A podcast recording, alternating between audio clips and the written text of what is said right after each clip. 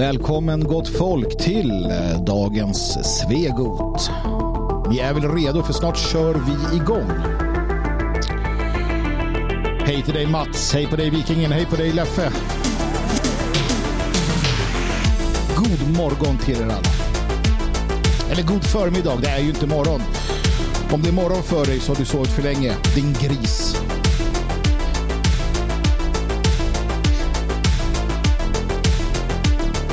Upp och hoppa.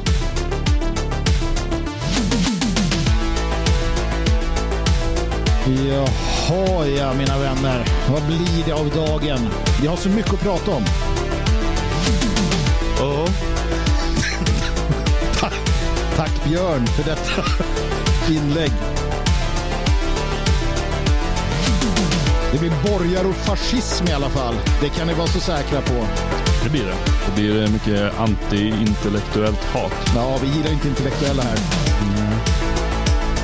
Hej Jenny. Hej Dr. Heinzi. Hej Klimatbluffen. Ja du. 1.30 kvar innan vi kör. Jag ska passa på att dricka lite kaffe. Mm, gör det, gör Högt det. och ljudligt.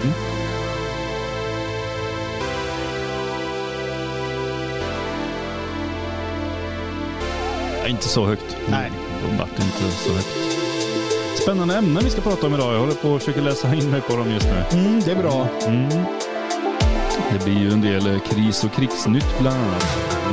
Nordisk svenne, ja. Du är en bra kille du också. Eller tjej, jag vet ju inte vad det är för något.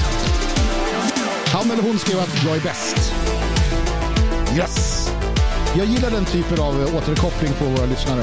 Att vem är bäst? Att, eh, Jag, Ja, inte den som skrev det. jo, han eller hon är också bäst. Hen. Man. Det är en man. Ja, en svenne är väl en man?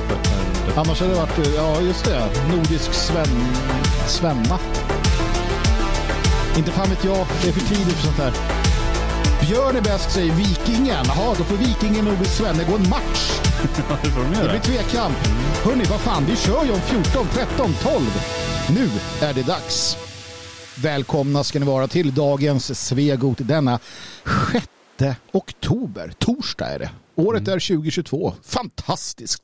20-talet har inträtt med stormsteg och ja, med tanke på att det är 20-tal så ska vi prata en del om fascism idag. Ja, vad sa du? Eftersom det är 20-tal så Ja. ska vi prata om fascism. Ja, alltså precis. 20-talet var ju fascismens tidsålder. Jag tyckte du sa att det var 2012. Jag tänkte nu, nu har du tappat. Och då har jag ju tappat, Tappat det bort dig. fullständigt. Ja. Nej, 20-talet eh, sa jag, Björn. Ja. Mm. Om du tar och spänner öronen så vore det en bra idé faktiskt. Jag ska försöka göra det. Det låter bra det. Jaha ja, nej. eh, Det är en, eh, ett nytt avsnitt utav Dagens Svegot som du lyssnar på. Det är då en massa ämnen att prata om och det är torsdag. Och jag försöker bara hitta tråden för att det ringde samtidigt som jag, som jag satt där och pratade. Blev det. Det Magnus. Söderman är det som är förvirrad. Björn Björkqvist heter jag. Som inte är förvirrad och det är ju inte illa det. Ja, jag är ganska förvirrad. Hur står inte- det till Björn? Du, jag, jag, du, jag har ju sett att du är glad som en lärka. Ja, jodå, jag är glad och lycklig. Elen är billig. Den är rekordbillig den här månaden i alla fall. Eller för ganska många månader bakåt och säkert framåt också. Eh, nu har jag sett hur många människor från vänstern jublar och visar eh, sådana här eh, diagram och sånt som säger att eh, kolla här nu vad billigt det är och hälften av elen kommer från vindkraft. Ja. Ja, eh, så tack vindkraften. Hade vi inte haft den så hade det inte varit så här billigt just de här två dagarna om året. Nej. Nej, det är ju det. Eh, Vi har ju lite värme här i huset nu och sådär för det har ju varit väldigt billigt.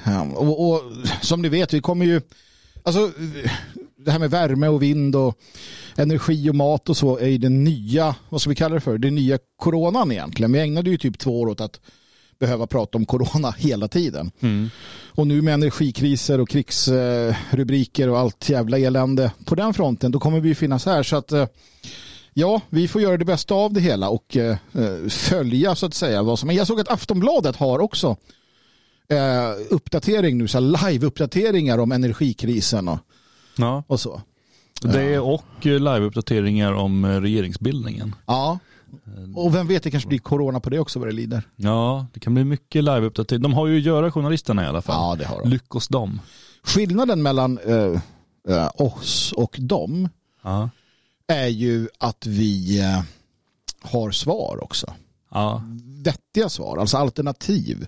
Mm. Eh, vägar framåt, vägar ut det här. Till skillnad från dem då som egentligen bara katastrof... Eh, alltså det är katastrofpornografi från, från deras håll kan jag tycka. Ja, så är det. Och eh, det är ju bra eh, av oss.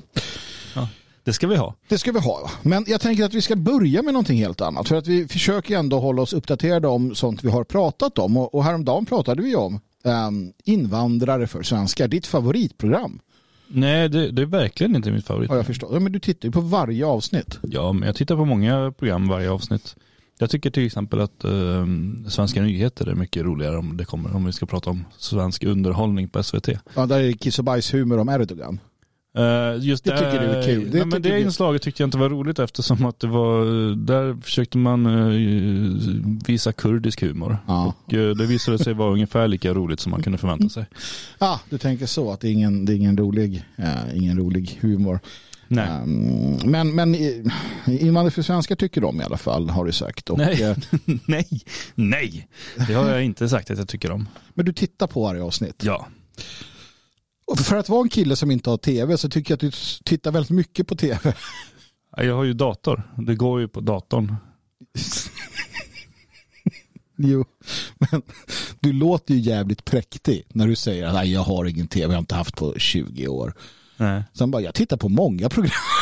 Ja, det var ju coolare förr i tiden när man inte hade tv innan alla tv-program fanns på datorn. Så Ja. att jag har ju jag har ju förslappats på det sättet och eh, naturligtvis. Och sen har jag den där lilla principen att när jag tvingas betala så ska jag banne mig titta på allt också. Jo, nej men så är det ju, så är det ju. Invandrare för svenskar. Vi pratade om det igår att de fick ju kritik där för att de eh, upprätthåller eh, polariserings, eh, ja, polariseringen, upprätthåller den Ja. eh, och, och ökar på den rent av. Och det blir sån tydlig skillnad mellan vilka som är svenskar. Och, och den här människan som skrev igår, nu minns jag inte riktigt vem det var. Jo, det var Vesna Prekopik Mm. eller något. Så. Inte så finskt uttal tror jag, utan mera Prekovic eller Prekopic. Eh, strunt samma, den, den, den människan var ju väldigt eh, upprörd där över att ja, när man väl släpper in invandrare då blir det i sådana här sammanhang. Varför finns de inte i finkulturen? Ja, Eh, och det är den där liberala utgångspunkten som vi ska prata mer om sen. precis. Eh, att eh, kultur är ju bara bra om det är finkulturen. Mm. In, inte den andra. Och det tycker jag var lite roligt här för att idag så kommer, eller igår så kom det då ett svar på den här artikeln ifrån, ifrån Elaf Ali Just det. som är en av eh, de som sitter i panelen Mm. men tydligen också en av de som ligger bakom hela programmet. Ja, det visste inte jag. Nej, Ja, och eh, det, är ju, det är ju bra. Hon vet ju vad hon pratar om det kan man tycka någonstans. ja, redaktör för programmet. Ja. Eh, precis, och hon försöker ju förklara sin inställning där och det handlar ju om att normalisera och sånt, det är hon ju inne på. Mm. Man ska lära sig uppskatta invandrare. Sen ser vi att mycket är med glimten i ögat, till exempel att de kallar sig för invandrare när i princip ingen är född utanför Sverige. Nej, precis. Det är ju, det är ju sant rent språkligt och att de inte har invandrat. Sen är ju det ett generiskt begrepp som används eh, i brist på bättre eftersom att de bästa begreppen för dem är ju olagliga att använda. Ja, det, är- jag kan tänka mig när de har arbetat om de, ja, men ska vi inte eh, så här blatta någonting, men sen insåg de nog att det kommer bli sånt liv om det. Ja, blatte är ju ett ord som är problematiskt fortfarande, delvis. Det används rätt friskt av alla möjliga människor. Så det börjar nog normaliseras. Ger det ett par år så är det ett normaliserat ord, blatte. Ja, Um, Men ändå med en kanske lite negativ. ja fast blattarna själva använder det ju ganska glatt. Sådär, så jag vet Jo, inte. fast det är ju som det amerikanska nigger eh, som används av rapartister och liknande. Mm. Självidentifierande på ett positivt sätt. Mm. eh, inom gängmiljöer eller generellt. Medan det bland vita används antingen då fullständigt nedsättande Ja. eller inte alls. Ja. Tänk att Clawfinger klarade sig så bra som de gjorde. Ja, berätta. Ja, men det var ett band eh, på, på 90-talet som, Ja. som eh, släppte en låt som hette Nigger. Jaha, ja. Eh, och det var ju det var en antirasistisk låt naturligtvis. Eh, de spelade ju någon sån här, jag vet inte, skate eh, som de eh, rappade. Eh, ganska hård, eh, jag har det ibland när jag tränar, inte just den låten men en del av deras låtar. Mm. Men den låten handlar ju där om att de, de svarta då inte ska kalla sig själva för niggers för att det är ett nedsättande ord. Och det är så här, men hela refrängen går bara nigger, nigger, nigger, nigger, nigger, nigger.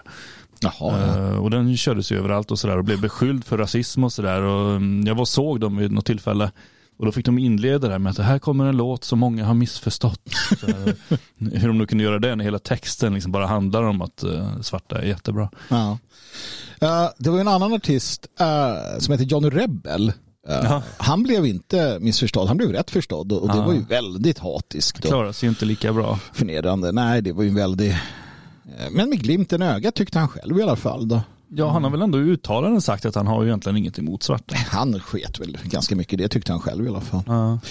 Ja, ja, vi ska återvända från USA, eh, visa visum och pass och åka in i Sverige igen och prata vidare om invandrare för svenskar. För Ja, att det var ju där vi var. jag, jag noterar en intressant sak i det som Elaf skriver och det är det att eh, hon har inte hört talas om den här finkulturella, precis som du Björn, eh, Ja. kontrapunkt Nej. programmet. Mm. Um, d- för att säga då, kontrapunkt om jag inte missminner mig var ju ett program som eh, det, det handlar om, om eh, alltså det, det, det är frågesport utifrån typ klassiska mästerverk och liknande. Mm. Och det var han den här fantastiska mannen ja, med roliga kostymer och ett eh, enormt eget eh, underligt beteende vars namn nu miss, jag inte riktigt minns vad han hette. Skåning var han som, som var programledare för detta. Um, och för en massa andra liknande program. Han, han, Ja, det är inget program som går nu. ja, Kontrapunkt. det, det går fortfarande då. Men eh, om du söker på kontrapunkt så kan du se vad han hette. Det har gått en dokumentär om honom och så. Det är en av dina favoriter också, Björn Björkqvist. Han sitter i Hagge och kastar skit på folk som uttrycker sig på fel sätt och eh, så vidare. Men i alla fall, eh, Kulturfrågan kontrapunkt som programmet heter säger hon då att jag har ingen aning om vad det är för någonting. Och Elaf skriver ju då själv. Sten Broman. Sten Broman såklart. Ja. det vet ju alla. Sten Broman höll i detta. Ja, just det. Ja, ja. Jag tror det var något program nu liksom. ja, men jag tror att kontrapunkt fortfarande går i ny Ja, okej. skepnad. Ja, ja. Ja, men alldeles oavsett. Det var ju jättesvårt kulturprogram. Ja, ja. Det. Jag har sett något sånt där gammalt. Det är Ja, ja. så sjuka frågor och det är så här i, i, konstiga detaljer. Det är inte så här, ja, kan, kan du, de spelar upp något stycke så, här, så bara, kan man lista ut kanske att det är Vivaldi utan det är så här bara, hur mådde han när han skrev den här och i vilket sammanhang och var befann han sig? Ja, ja. Så här, jättesvåra frågor. Så ja. fick de ofta hjälp. Ja, men så var det väldigt mycket, det var ju Sten Broman själv som jag tror eh, skrev dem i många fall och det var ju väldigt sådär nördigt och, och det kunde vara Ja, som du säger på detaljerna, bara, hur mycket väger en C-moll? Eh, eh, liksom tangent eller vad det heter på det här. eh, Vad är det för vi- vit färg som används på en Steinberg 3712? Va? Jo men det är A72 4. Ja. Det är underbart, alltså gå in på YouTube och titta på kontrapunkt, gamla program. Ja, det är fantastiskt. Och djupdyk i Sten Bromans liv. Fantastisk människa. Ja. Men i alla fall då att hon, hon säger det. Att, eh, hon har ingen aning om vad det här är för program och sådär. Och det vet jag inte om hon Prekopic heller vet egentligen ursprungligen. Men idén om då att eh, Prekopic idé är ju att det, ska, att det någonstans ska kvalas in då. Eller det ska vi måste ha in invandrare i kontrapunkt bara för att. va? Medan ändå då Elaf tar någon annan något annat grepp som är väl lite mer folkligt kanske då. Så här, eh, vadå? Vad är det för fel på det här? Det är det här folk gillar. Vi är där folk, där folk är. Där människor tittar på den här underhållningen och där bryter vi in. Va? Mm. Ehm, Jo, nej, men det, det är ju det som är för att hon, hon ser ju där uh, uttryckligen att eh, den, den förra artikeln ser ner på fulkulturen som hon sätter i citattecken och sen fortsätter hon att skriva Jag är uppväxt på den skånska landsbygden och använder inte slang. mm. Eh, har eh, släppt en bok och skriver själv på kultursidorna. Jag har aldrig hört talas om kulturfrågan kontrapunkt. Jag syns gärna i IFS. Eh, kanske får jag en arab hemma i tv-soffan att känna sig stoltare över sin bakgrund eller Bengt att ta koll på en fördom. Det är mer än jag tror att finkulturen lyckas med. Pang! Där fick de.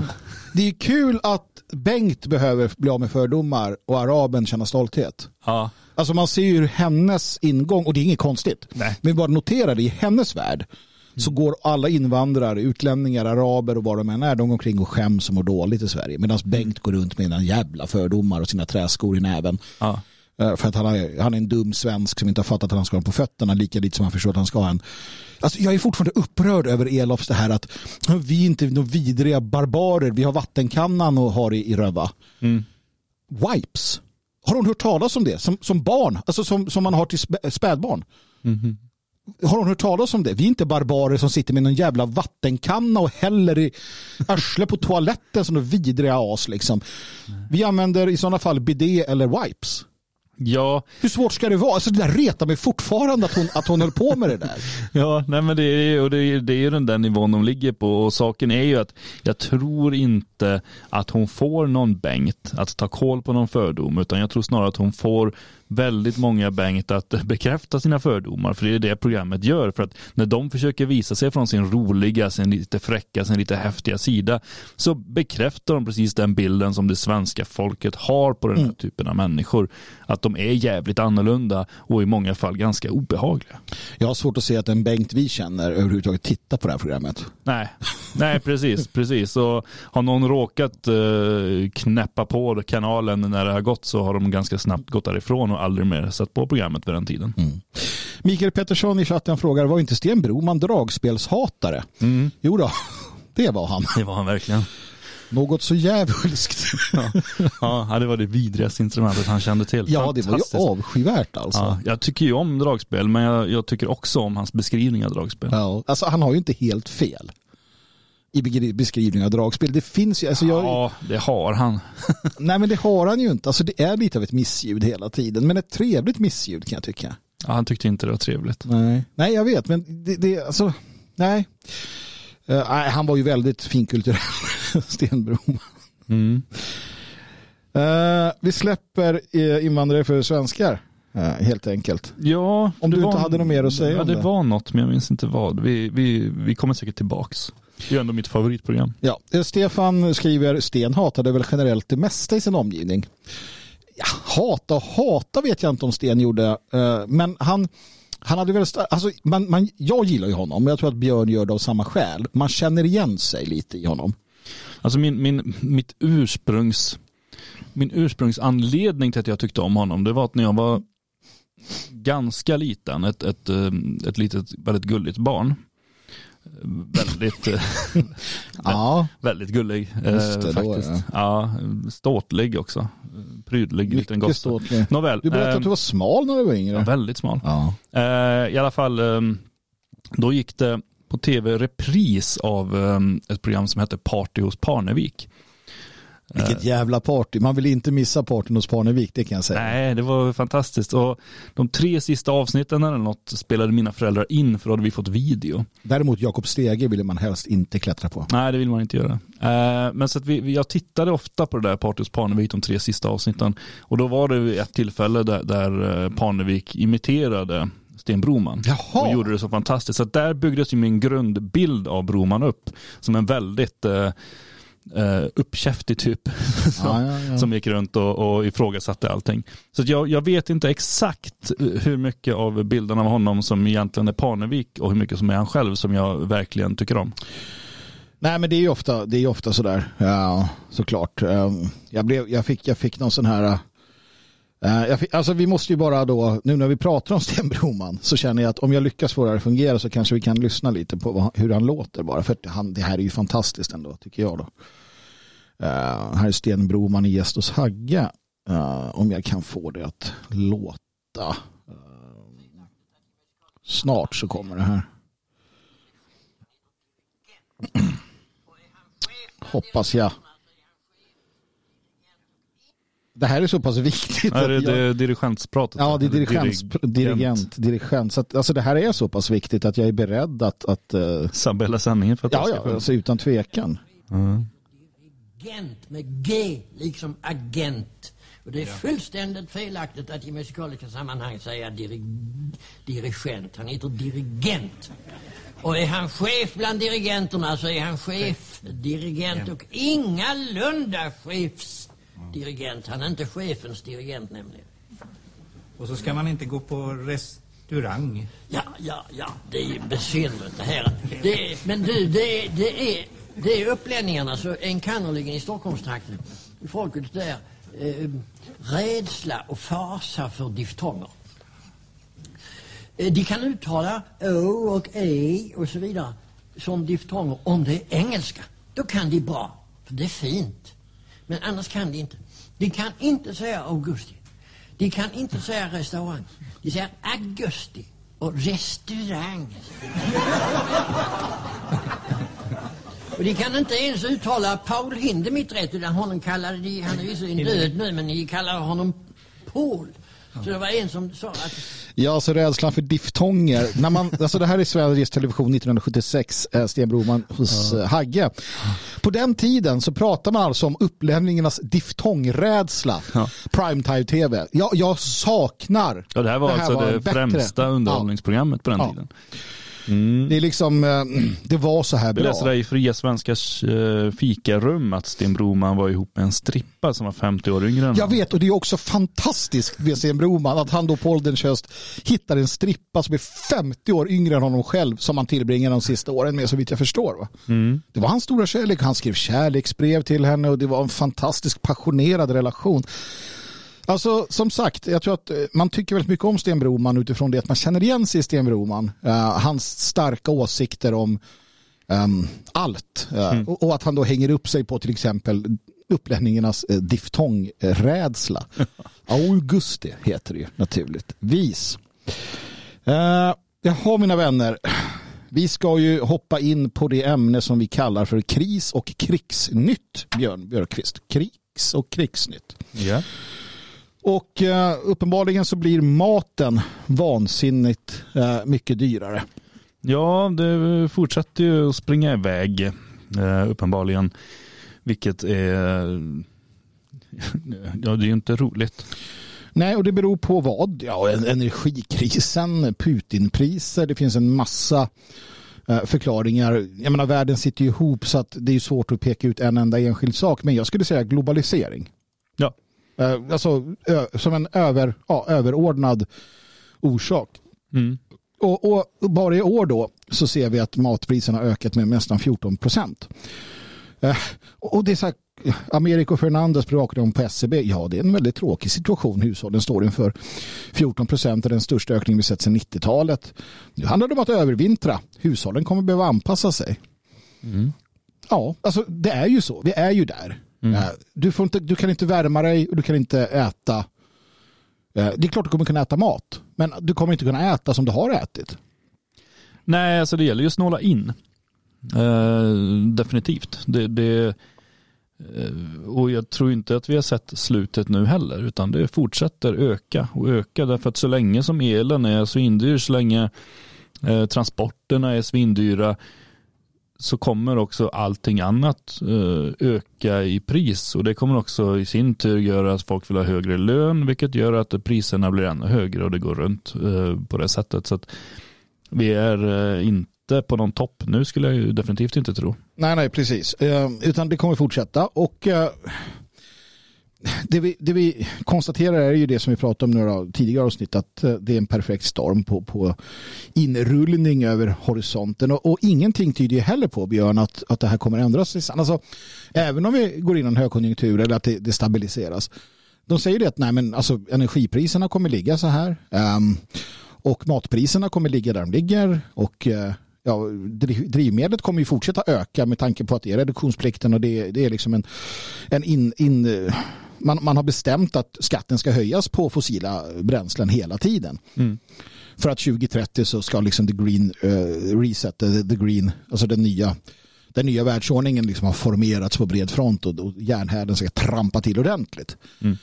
Eh, och, och vi kan inte göra något åt det här. Alltså du och jag och, och den opposition vi företräder på något sätt. Utan Nej, alltså absolut inte. Eh, Ingenting. Och väldigt få människor kan göra någonting åt det. Det är som, jag tror det var Reinfeldt för, för massa år sedan när han var statsminister och det började klagas över eh, om det var dieselpriser eller om det var eh, matpriser eller något. Och han bara konstaterade att det där kan ju inte jag göra någonting åt. Det här är ju någonting som regleras eh, internationellt. Ja. Eh, Så att det- vi har ju valt den här internationella linjen. Vi har valt att vi ska vara med i EU. Vi har valt att göra oss beroende av omvärlden på ett sätt för att liberaler har talat om för oss att det är det bästa sättet. Mm. Det är det absolut bästa sättet både för klimat och för varje människas eh, välbefinnande. Att man delar upp världen. Att I vissa länder gör man vissa saker, i andra länder gör man andra saker. Och på så sätt blir vi beroende av varandra. Och det blir aldrig något krig och alla blir alltid lyckliga. Det här är den verklighet vi har fått. Mm. Precis, och eh, som eh, Mikael skriver, eh, jag misstänker att matkällare, stora skafferier och självplockspotatis blir populärt igen. Och ja, det tror jag också. Och i, I grund och botten är det ju bra. Det är bra att vi går tillbaka till att odla vår baksida istället för att ha liksom jättemycket mark som vi inte bryr oss om. Bara klipper i stora gräsmottar. Alltså, vi som nationalister, traditionalister och sådär har ju alltid förespråkat det lilla. Vi har förespråkat att att vi ska vara självförsörjande i så hög utsträckning som möjligt. Och, och som med, så mycket annat, vi får väl göra det själv då helt enkelt. Och, och nu tvingas vi till det. Och den logiska konsekvensen av deras politik är att den rasar samman. Och då står vi där. Mm. Så att den som, den som gör det i detta nu har ju ett, ett eh, och som låter sina barn vara med och lära sig om, om hur man liksom blir mer eller mindre självförsörjande. Ja, de kommer att ha en enorm fördel i framtiden. Titta som sagt på Grekland, Italien och andra länder där det förvisso är lite enklare med tanke på att man inte har de svinkalla vintrarna. Men, men där klarade man ju de här kriserna mycket för att du hade liksom delvis självförsörjning. Du odlade dina, inte vet jag, oliver eller vad det är någonting de äter. Jo, nej men då vi behöver ju inte gå tillbaka särskilt många generationer för att hitta våra förfäder som levde utan elektricitet, som levde utan eh, bilar, som levde utan cykel. Alltså som, som det var eh, häst och vagn som gällde om man skulle transportera sig långt eller Ja. så fick man gå. Promenera en mil var liksom inga bekymmer, inget ovanligt. Eh, och framförallt så hade man en, en egen verklighet som var mycket närmare omkring sig. Eh, man satt inte och chattade med folk i Tel Aviv utan man pratade med sina grannar. Precis. Eh, om vi har några grannar kvar eller inte det får vi väl se också. Det verkar som att eh, alltså det var ju viktigt för Sverige att gå med i NATO. eh, och nu eh, verkar ju allting gå framåt. Men jag tycker det är lite lustigt och, och eftersom vi pratar kris och krig så, så måste vi bara kommentera det här eh, som hände nu senast. För att Sverige har ju blivit godkänt av alla utom, utom, utom Turkiet i princip. Va? Ja, just det. Och Men nu såg jag någonstans att eh, även var det Ungern som kunde börja ställa till det lite. Ja, det tycker jag att de gott och väl kan göra med tanke på att Sverige har så jävla präktigt eh, Någon, det var någon liberal som sa att ja, nu är det två diktatorer som försöker stoppa Sverige. Ja. Jo, ja, precis. Jävla trött på dem där alltså. Ja. Men, men ja, um, Sveriges ambassadör har nu kallats upp till eh, turkiska UD. Och det är för att då ditt favoritprogram, Svenska nyheter, skulle dra en kurdisk liten sketch. Alltså, Mm. en, en, en, en, kurd i Sverige använder eh, Svenska nyheter, ett svenskt eh, satirprogram, för att bedriva politisk kamp eh, mot eh, Turkiets president. Ja, Är det rätt- rätt uppfattat? ja, jag skulle väl snarare säga att eh, ett svenskt tv-program använder en kurd för att eh, göra någon slags markering. Du menar att det är någon form av socialdemokratisk, eh, vänsterliberal, svensk... Eh, Nej, utan jag menar väl snarare, jag, jag, jag skulle väl tro att eh, han, eh, programledaren, heter han, Kristoffer Rappelqvist heter Ja. han va? Att han är, han är väl någon form av liberal i grunden tror jag, socialliberal, typ röstar säkert på typ Centerpartiet. Eh, han eh, vill ju göra någon slags markering bara att vi tror på yttrandefrihet. mm. Eh, och eh, i det sammanhang där det här dyker upp så har Turkiet på något sätt sagt att man inte vill tillåta Sverige att eh, sända eller ens intervjua kurder i Mm. nyhetssammanhang och sådär. Mm. Och då säger han att eh, men i Sverige så har vi yttrandefrihet och vi gör som vi vill. Så därför eh, så byts han ut mot någon tråkig kurd som sitter och drar kiss och bajs-skämt om Erdogan. Just det, för det är då Kadir Meral eh, som, eh, som säger så här i programmet bland annat. Just nu släpps det ut miljontals ton metangas i havet. Allt pekar på att det är Erdogan som ligger där och fiser för att han har ätit för mycket shish kebab. Mm. Det var högklassig underhållning från de här nyheterna. Publiken vrider sig av Ja, skratt. det gör de naturligtvis. Ja, nej det var ganska tråkiga eh, skämt så att säga. Väldigt eh, krystat för Mm. att eh, men, men själva poängen den vill visa är ju att eh, ingen ska komma utifrån och styra över Sverige. Mm. Det han samtidigt kanske lite grann de missar är ju att det är ju sant. Eh, Men samtidigt så kan också det där landet bestämma att vi inte får gå med i NATO. Precis, och alla är överens om att det är väldigt viktigt att gå med i NATO. Ja, alltså i det här gänget. Ja, det, det tycks ju vara en, något man är överens om. Ja. Och nu någonstans, jag menar, hur, hur tänker man själv om det här? Jag, jag, ju, jag har ju mina principer. Eh, problemet är att nu har vi ju spelat ut våra kort. Mm. Alltså som land. Mm. Och sagt att vi ska gå med i NATO, vi tar ställning. Om det sen då slutar med så här, ja Finland får vara med, men nej, Sverige blev inte inröstat. Sitt här nu era jävla jon. Och så här. Hopp. Det, det var ju dumt. Vi har liksom sagt att vi är med er, men så här, vi fick inte vara med er. Och, och Putin så här, sitter och ler lite lätt och bara, hmm. Var det här så kul då? Eller svenskis? Mm. Nej, det är mycket som är knepigt där omkring och det man helst vill ha är ju någon form av nordiskt samarbete men om andra Ja. länderna är med i NATO så kanske det är rimligt att Sverige också är med där. Jag, är- jag känner att det finns andra frågor som är mer, jag skulle hellre se att Sverige lämnade EU och gick med i NATO eh, än, än eh, att vi är kvar i EU och inte NATO om man måste välja. Nu behöver man inte det så att jag kan vara emot alltihop men, men Eh, EU har ju en större inverkan på svenska beslut än vad NATO har. Ja, det har de definitivt. Alltså, såklart de har det. Bara titta då på till exempel att Turkiet och Ungern är NATO-länder. Mm. Det säger ju en del om hur mycket eller lite påverkan rent realpolitiskt de de facto har då i Ja. nationerna. Ja.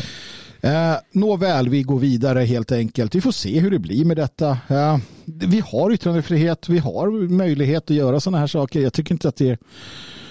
Alltså jag fattar ju poängen och de har ju tidigare skapat uppmärksamhet och, och Sverige, svenska ambassadörer har blivit uppkallade även i Kina när man höll på och provocerade kinesiska staten Ja. vid något tillfälle. Jo. Så alltså, det är ju deras grej och det är, det är klart de ska få hålla på med det. Sen vet jag inte om det är dit skattepengar ska gå. Nej, precis. Jag, jag tycker väl, jag, det är väl mest att jag tycker humorn är liksom dum bara.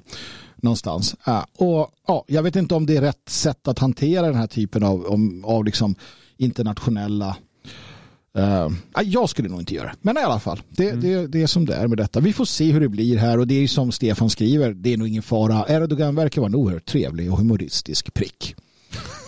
Jag vet inte. Vi säger så, eh, Stefan vet nog saker vi inte vet.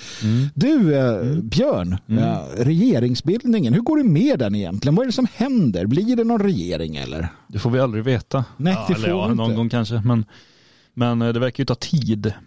Mm. I alla fall. Och det, det, det som har läckt ut här nu, det verkar ju vara Liberalernas eh, vara eller icke vara i regeringen. Just det. Ska de släppas in eller inte? Liberalerna har ju varit väldigt tydliga, eh, inte minst i, i eh, något brev till den europeiska liberala gruppen där, att eh, de absolut inte vill ha någonting med Sverigedemokraterna att göra. Nej. Och nu verkar de vara lite sura på att Sverigedemokraterna vill inte ha något med dem att göra heller. Ja, precis. Och, och samtidigt så, för att det är liksom en, en det är mycket som händer här. Alltså KD och M, Mm. det samarbetet är ju hugget i gamla runstenar från liksom, Ja, även utskickat i rymden har jag läst, Ja.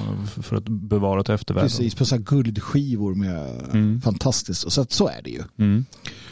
Och, och att, att M och KD är okej med både L och SD, det, det vet vi också. Det är hugget i sten. De, det är kompisarna liksom. Vi, Mm. så. Men det är ju den här äh, dysfunktionella relationen då mellan eh, L och SD som, som allting kretsar kring. Och, och som du sa då, L, eh, L vill ingå i regering men de vill inte ha för mycket att göra med SD.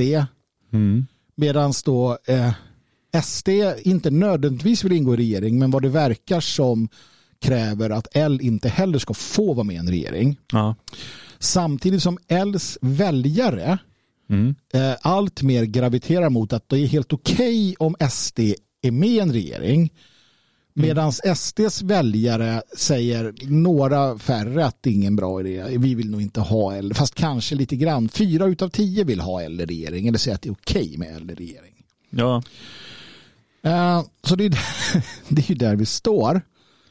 Ehm, och jag vet inte vad man ska göra av detta. Ehm, Nej, alltså det, det är väl eh, knepigt. Sen samtidigt får man ju tycka att nu får de väl ta och mm, släppa prestigen och komma igång. För att eh, som inte minst socialdemokrater är väldigt kvicka på att poängtera just nu så, så skulle vi behöva en regering som kan ta tag i elpriser till exempel. Mm. Det skulle vi ju och, och det kommer ju då från samma gäng som ägnade ett halvår åt att inte kunna komma överens i och för sig. Uh, ja. Jo, jo, Men det är ju gamla nyheter och gamla nyheter är ju aldrig roliga. Nej, och sen som de poängterar så var det inte bara de då, utan eh, även Moderaterna hade ju en runda där, där de skulle försöka bilda regering Mm. och sådär. Så att, eh, man, eh, man skyller ju lite fint på varandra och det är ju politikens eh, uppdrag Ja, Att, ja. att eh, hålla på med sånt där också. Samtidigt ska vi komma ihåg att vi har ju en regering. Ja, det har vi. Eh, Så att medan Socialdemokraterna håller på och klagar över att regeringen inte gör något så är det ju de som sitter i regeringen. Ja, det går ju inte att komma ifrån det. Ja. Nej. Annars så får de väl sluta vara regering. Liksom.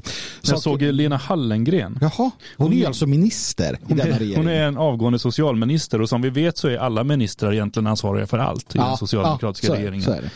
Eh, Hon eh, säger så här att det har gått tre veckor sedan valet och Ulf Kristersson vet fortfarande inte vilka partier som ska sitta i regering trots att valet, eh, man kan, valet kampanjade eh, bla bla bla, jag börjar läsa för tidigt här. Eh, Ja, ja. Eh, andas, ta det lugnt. för varje dag som går eh, får folk svårare och svårare att betala elräkningarna. Samtidigt har Ulf Kristersson och Ebba Busch knappt visat sig sedan valnatten. Eh, ja, det, nej, det har de ju inte gjort, men Lena Hallengren sitter i regeringen. Hon kan göra någonting åt elpriserna i detta nu, Mm. men hon bara sitter och väntar.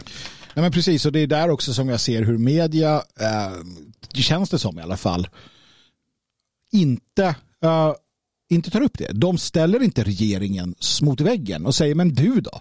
Nej. Utan de spelar alla med för att, för att de har det här inneboende resentime- resentimentet mot Sverigedemokraterna. Alltså alla, alla, alla i gammal media har det. Och därför någonstans hoppar de på lite grann det här, känner jag det som i alla fall, och, och hjälper till att slå mot detta. För det hade kunnat ställas en fråga till Hallengren. Ja, du har ju rätt i sak, men hur tänker du i, i det faktum att du är minister och ni har en regering som fungerar? Vad, vad gör ni i detta nu? Ska hon då säga att vi gör ingenting i väntan på att de ska komma fram till något? Ja, för det är ju sant, de gör ju ingenting. Nej, inte där, men däremot när, när det blev eh, ett hål i Nord Stream, då var ju statsministern väldigt snabbt ute och skulle representera och visa upp sig och ta statsmannaansvar. Precis, och hon När- när sa att fanns- vi kan. Ja, och när, när när det inte finns någonting att göra. Bara visa upp sig och stråla i glansen i- för en internationell press. Precis. Men att göra någonting för det svenska folket, nja, Nej. vi väntar nog va? Det gör vi. Och, Kärringajävul skulle Ja. man kunna säga där. och med tanke på kärringajävlor eh, så tänker jag att vi kan också titta på något som nästan fick mig att bli borgerlig. Aha. Alltså, ja, man känner sympatin växa. Det är när Annie Lööf Mm. tillsammans med eh, sin eh, Kompis. kompis eh, Rickard Nordin skriver i Aftonbladet Öka takten Kristersson, elräkningarna stiger. Mm. Är du verkligen redo att ta ansvaret?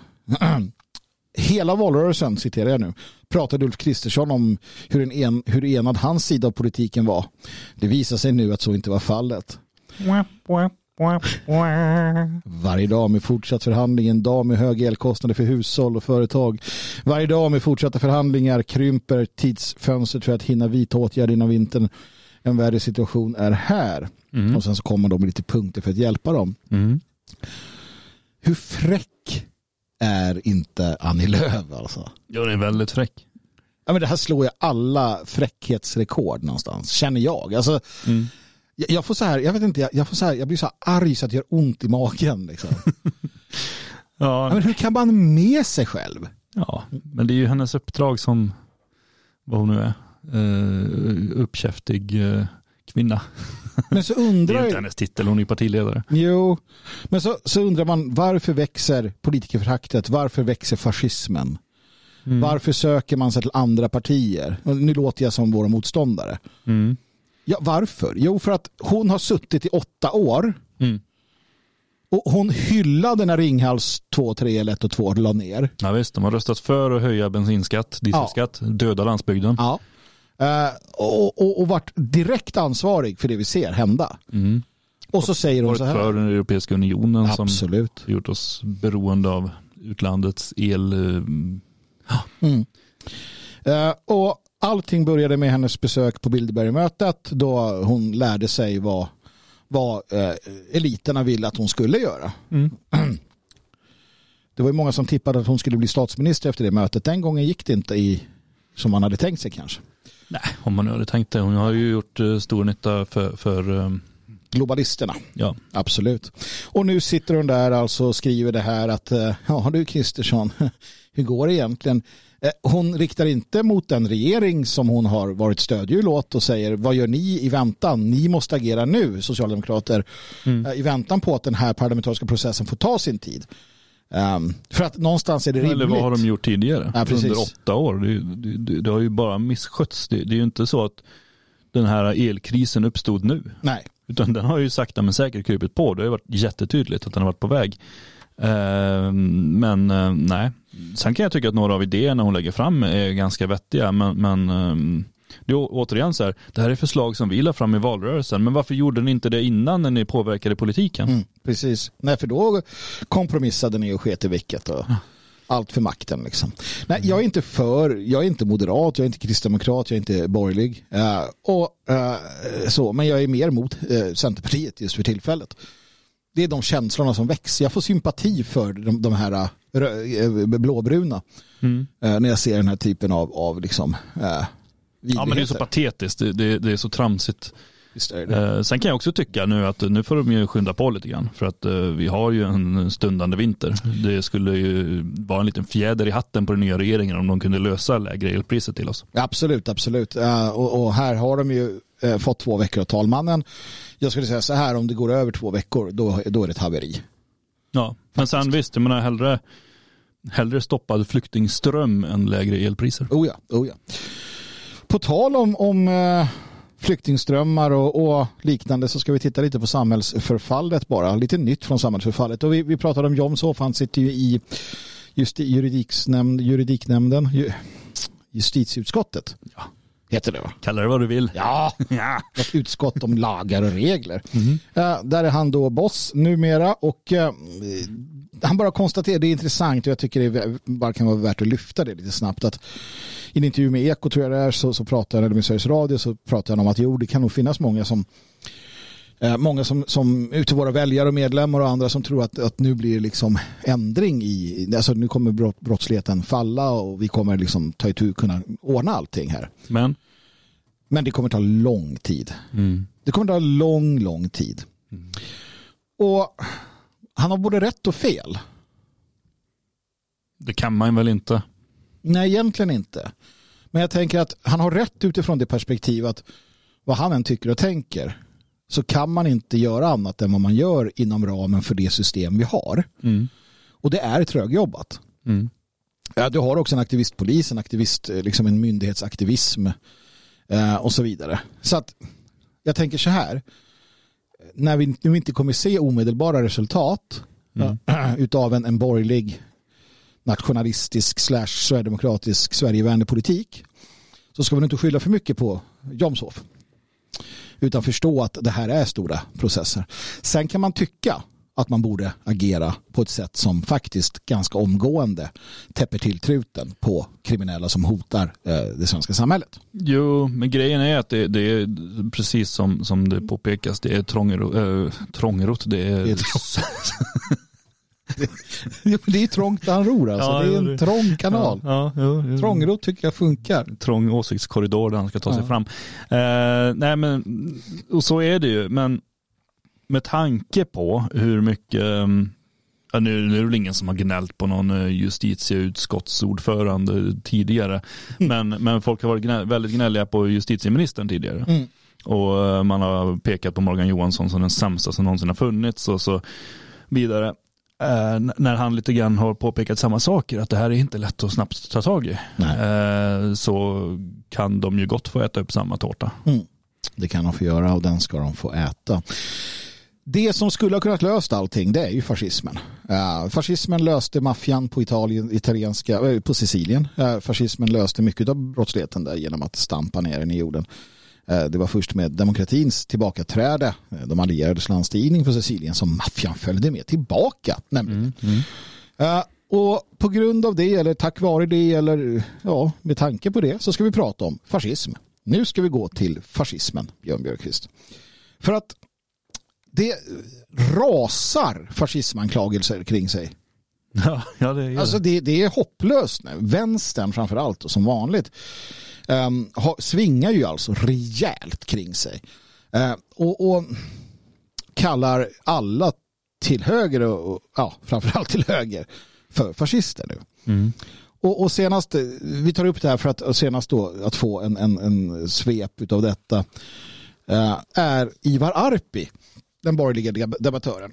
Mm. Ja, som, som utav penishuvudet. Egentligen lite i förbifarten. Ja, i, i förbifarten ja. Egentligen, egentligen är det ju mycket bredare, eh, alla egentligen. Oh ja, oh ja blir, absolut. blir fascistanklagade. Ja, alla blir det för att eh, penishuvudet Mikael Nilsson, eh, docent, eh, skribent, jag vet inte, Twitter. Det där är ju hans offentliga titel, så det är inte något som bara Magnus slänger ur sig. Nej, nej. Penishuvudet. Nej, just det. Sa jag det högt? Ja. Ja. ja. I alla fall, han, han skriver då i Dagens Nyheter um, en kulturdebattartikel där han konstaterar att uh, nyfascismen håller på att ta plats i svenska regeringen. Mm. Det där är ju lite tragiskt kan jag tycka när, när jag läser vad han skriver. Jag har haft lite respekt för honom tidigare för att han, han har ju ägnat rätt mycket tid åt att bemöta Eh, det här eh, Socialdemokraterna är de riktiga nazister-argumentet. Mm. Och eh, bland annat då varit på han Aron Flams bok En svensk tiger, eller mm. det här är en svensk tiger. Där han har pekat på många felaktigheter och jag har ju också sett många av de där felaktigheterna och, och kunnat konstatera att eh, någon borde ju ta tag i det här och verkligen belysa och det har eh, Nilsson gjort sen såklart ur ett vänsterperspektiv och han eh, Eh, han har ju sin politiska anledning till mm. att vilja göra det, men han har definitivt haft rätt i väldigt många punkter och mm. Flam har haft väldigt svårt att bemöta, framförallt när det har visat sig att Flam i princip inte har läst de dokument som han hänvisar till i sin bok. Mm. Vad är det du blir upprörd här över att eh, Nilsson eh... Eh, det är ju hans gör. sätt att använda fascismbegreppet som jag tycker är direkt eh, felaktigt. Och där ska man egentligen direkt gå in på för att uh, han beskyller ju uh, Arpi mm. för uh, att vara fascist därför att han är en förespråkare av den högerextrema konspirationsteorin om folkutbytet. Just och där tappar man ju all respekt för Nilsson. Ja. Alltså att, att, att använda Expo det visar att man är en aktivist. Att, att inte kunna se sakligt på demografisk utveckling. Mm. Det här blir en, en diskussion på Twitter sedermera också där han visar med all önskvärd tydlighet att han inte erkänner existensen av ett svenskt folk. Nej, precis. precis. Och han uh, fortsätter hänvisa till Expo-skribenter ja. som någon slags bevis och du dras in i det hela också. Ja. Uh, som den riktiga nazisten. Precis, jag, är då, jag vet inte om jag är nazist eller fascist i, i kontexten men ah, du får vara som du vill med det. Va? Men, mm. hur, men hur tänker du då att Arpi då? Ja, nej men Arpi går ju i uh, bemötande där. Mm. Uh, och uh, han beskriver, hans beskrivning av fascismen är så här. Kännetecken för fascismen var hyllandet av styrka, glorifiering av våld, ungdomskulturen, kombinationen av massrörelse och ledarkult, korporativism och förkastandet av citat de gamla männens slutcitat demokrati. Mm. Eh, och sen så går han vidare och, och, tar upp just det här hur Sovjetunionen och deras seger över Nazityskland gjorde att, att eh, fascismbegrepp fascismbegreppet utvidgades enormt därför att Sovjetunionen och deras politiker började använda det mot alla möjliga. Mm. Eh, här skriver han ju inte i detalj, men jag menar till och med en sån som Trotsky. Till och med eh, de, de, judiska bödlarna som arbetade under Bela Kun som sen tog till, till Sovjetunionen mm. men så småningom hamnade i konflikt med styret. Ja. Blev beskyllda för att vara fascister och nazister. Just det. Och glöm inte den fascistiska skyddsvallen. Precis, den antifascistiska skyddsvallen. Den antifascistiska skyddsvallen, ja precis. Precis, som man byggde för att hålla det fascistiska väst utanför det, det sunda Östtyskland. Ja. Um, eller egentligen för att låsa in Västberlin. Precis. Um, och det här då tar ju han upp och, och det har då skapat en, en bild av någonting som kallas för generisk fascism som är allting. Eller mm. vad som helst, eller ingenting. Mm. Eller lite vad man vill. Uh, och han eh, pekar då på att i Sverige så är det framförallt då Henrik Arnstad och den här Mikael Nilsson som har börjat använda begreppet så här vitt och slarvigt vilket gör att i princip allt man inte tycker om mm. är fascism. Och han jämför då med, med um, Förr i tiden när man kunde använda djävulen på det sättet. Just det. Jag tycker det är intressant i sammanhanget att titta lite historiskt här då. 1944 så skriver George Orwell i Tribune, eller uttalar sig i Tribune, att fascismen, alltså att fascism som begrepp är så, har blivit, så det är meningslöst. För att mm. det betyder vad som helst. 1944 säger Orwell som är socialist att nej, alltså fascistbegreppet går inte att använda längre. För att mm.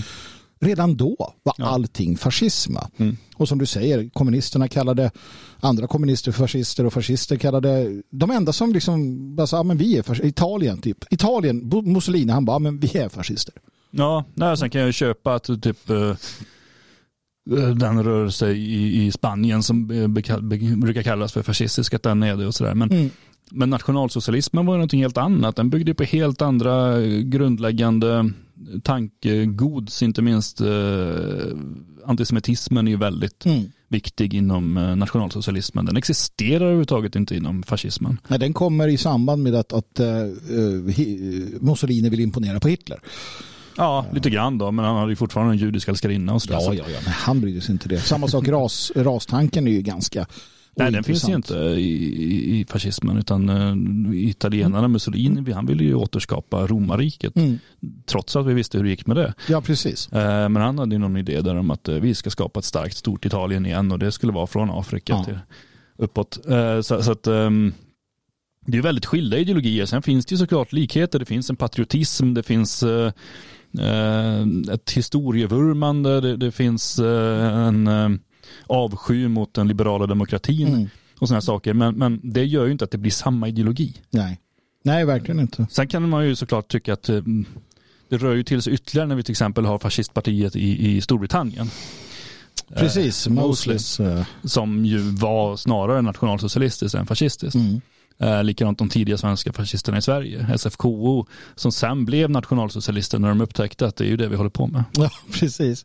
Men hur var då relationen om du tar en sån som, om vi då tittar, för anklagelserna kommer om att då fascismen eh, och borgerligheten eh, mm. och ja, alltså en idé där om att borgerligheten någonstans är latent fascistisk.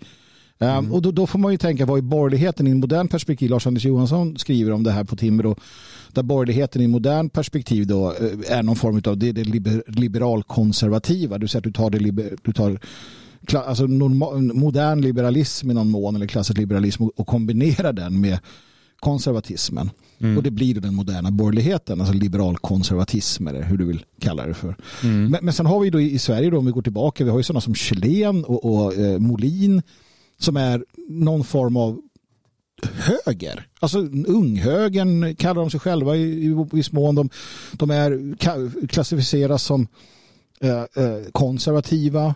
Men där finns det väl ändå... De tillhörde ju högerpartiet. Tillhörde högerpartiet, ja precis. Fanns det alltså det fascistiska i detta? Är det någonting du har liksom kunnat ja, se kopplingar jo, men, till eller någon gemenskap i? Jo men det gör det. Alltså fascismen fanns ju inte då måste vi komma ihåg. Nej, det, det, gjorde den inte. Nej, nej precis. när, när uh, Chilen och de herrarna höll på. Nej. Uh, utan, uh, men, men det de skapade var ju en, en uh, alltså han använde ju begrepp som, att det, han kallar inte sig själv nationalsocialist, men han använde det begreppet att det borde dyka upp en sån rörelse som är alltså nationellt socialist mm. och just för att ta upp de sociala frågorna och sådär. Sen kallar inte han sig själv för det vid något tillfälle. Nej. Eh, men och han pratade om folkhemmet. Eh, han bör ha myntat det begreppet. Mm. I alla mm. fall varit bland de första, i alla fall långt före Per Albin Hansson. Mm. Eh, och han hade ju en, en jag pratar om han, det är ju naturligtvis dem. Det var ju en rörelse, ja, det var, en rörelse det var ju Molin det, och ett gäng till där. Men jag, jag pratar mest om Chilen för mm. den jag mest har läst. Mm. han hade ju en tanke om, om att göra om alltså den moderna högen till en mer alltså socialt ansvarstagande rörelse mm. där staten har eh, ett visst inflytande och hjälper eh, svaga människor, utsatta människor och sådär lite grann. Och på så sätt, och, och i och med att vi vet ju att Chilen översattes till tyska, han eh, skrev en del originalverk på tyska också, lästes mycket av tyskar, bland annat ska Hitler ha läst honom när han satt i fängelset mm. och skrev Mein Kampf. Så absolut så har ju den rörelsen haft inflytande på den moderna nationalsocialismen i alla fall. Fascismen Mm. vet jag inte. Nej. Nej, precis det är här det blir väldigt, alltså tar du Griffins generiska fascism eller tar du den idé om att fascismen det var Mussolini och falangisterna och kanske delvis järngardet med andra. Det, det är fascism, allt annat är bara liksom hittepå. Det, det, det beror på hur man väljer att se det. det fanns ju också i Sverige om man tittar, det fanns ju ett gäng som mm, var lite yngre än Chilen som Mm. levde längre och som gick med i nationalsocialisterna sen. Mm. Som, som började i unghögern och blev nationalsocialister för att de tyckte att det kändes eh, ungdomligt nytt och fräscht. Precis. Nej, Men jag tänker också för att det fanns ju där någon definition då, hyllandet av ungdomen, eh, styrkan och sådär som Varp var inne på.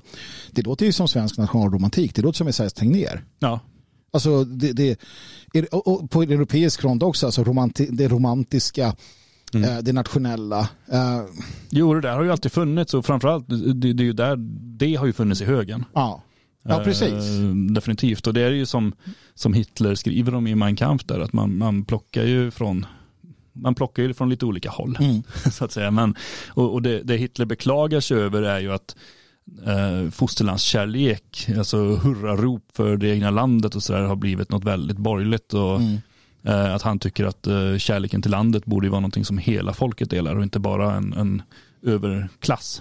För där har du ju det som hände, menar jag delvis. Och det är det som Kjellén är inne på. Han, han varnar ju för han varnar ju för, och det gör ju också en sån som eh, den svenska filosofen eh, Vitalis Nordström varnar för, varnar för liksom det här röda.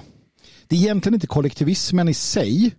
För de har inga problem med nationalistisk kollektivism i det att kollektivet inser sig vara en del av en nation eller en ras eller ett blod.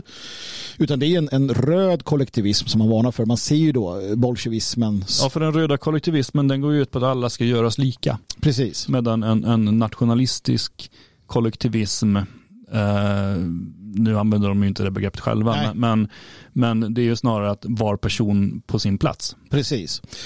Eh, och det här Eh, gör ju att Nej, men det här gör ju då, och jag tror att det här som gör att, att vänstern kan använda den här retoriken, att man då kan slänga fascistanklagelser vilt omkring sig och att det ändå kan fästa lite. För att vänstern har ju varit den naturliga fienden. Ehm, och det är ju så det börjar egentligen, att när fascismen fascismen är en reaktion i grund och botten, om tar italienska fascismen och liknande, det är en reaktion på bolsjevismen, det är en reaktion på de röda revolutionärerna. Mm. Um, Fast ändå sprungen ur de röda fast ändå, ja precis för Mussolini var ju socialist ursprungligen. va? Ja, Och, och grundideologin är ju, den är ju syndikalistisk. Ja.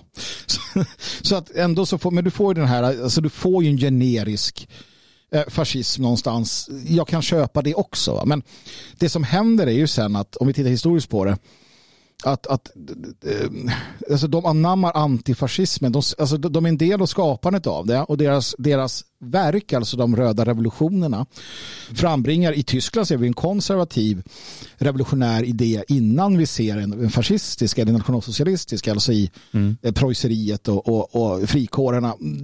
Det, det, det skapas ju innan, alltså det är en naturlig motreaktion. Så det finns en höger revolutionär motreaktion. Det har vi sett i Sydamerika också och andra länder mot, mot, mot kommunismen. Och till sist så vart det som så att de som kunde ge bäst motstånd mot bolsjevismen det var nationalsocialisterna och därför valde officerare, borgare etc. att, att sluta sig till nationalsocialismen i Tyskland. Man accepterade fascismens makt i Italien, i Franco i Spanien och där har du det egentligen. Ja. Så att det är ju inte, det är inte sant men det är inte heller osant. För saken är ju den att Ivar Arpi kommer ju en vacker dag förstå att de enda i det här fallet som kan skydda eh, hans liksom grundläggande värderingar som konservativ det är nationalister. Mm. Även om han inte håller med oss i allt. För att vänstern vill ha hans huvud på en påle. Mm. Jo men så är det, så är det mm, absolut. Och det där har vi ju sett um, historiskt och vi ser det idag. Och det är precis som du säger anledningen. Och, eh, Lars-André Johansson i den här artikeln um, i, i Timbro som vi hänvisade till i början.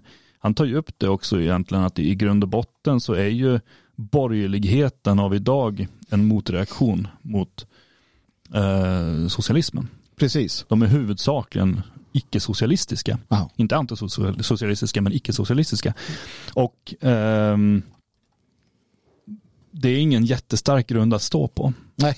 Och då blir det ganska naturligt att om det dyker upp andra starka krafter som också är inte bara icke utan rent av antisocialistiska eller antimarxistiska, då är det ganska naturligt att sluta sig till dem därför att där finns det styrka. Mm.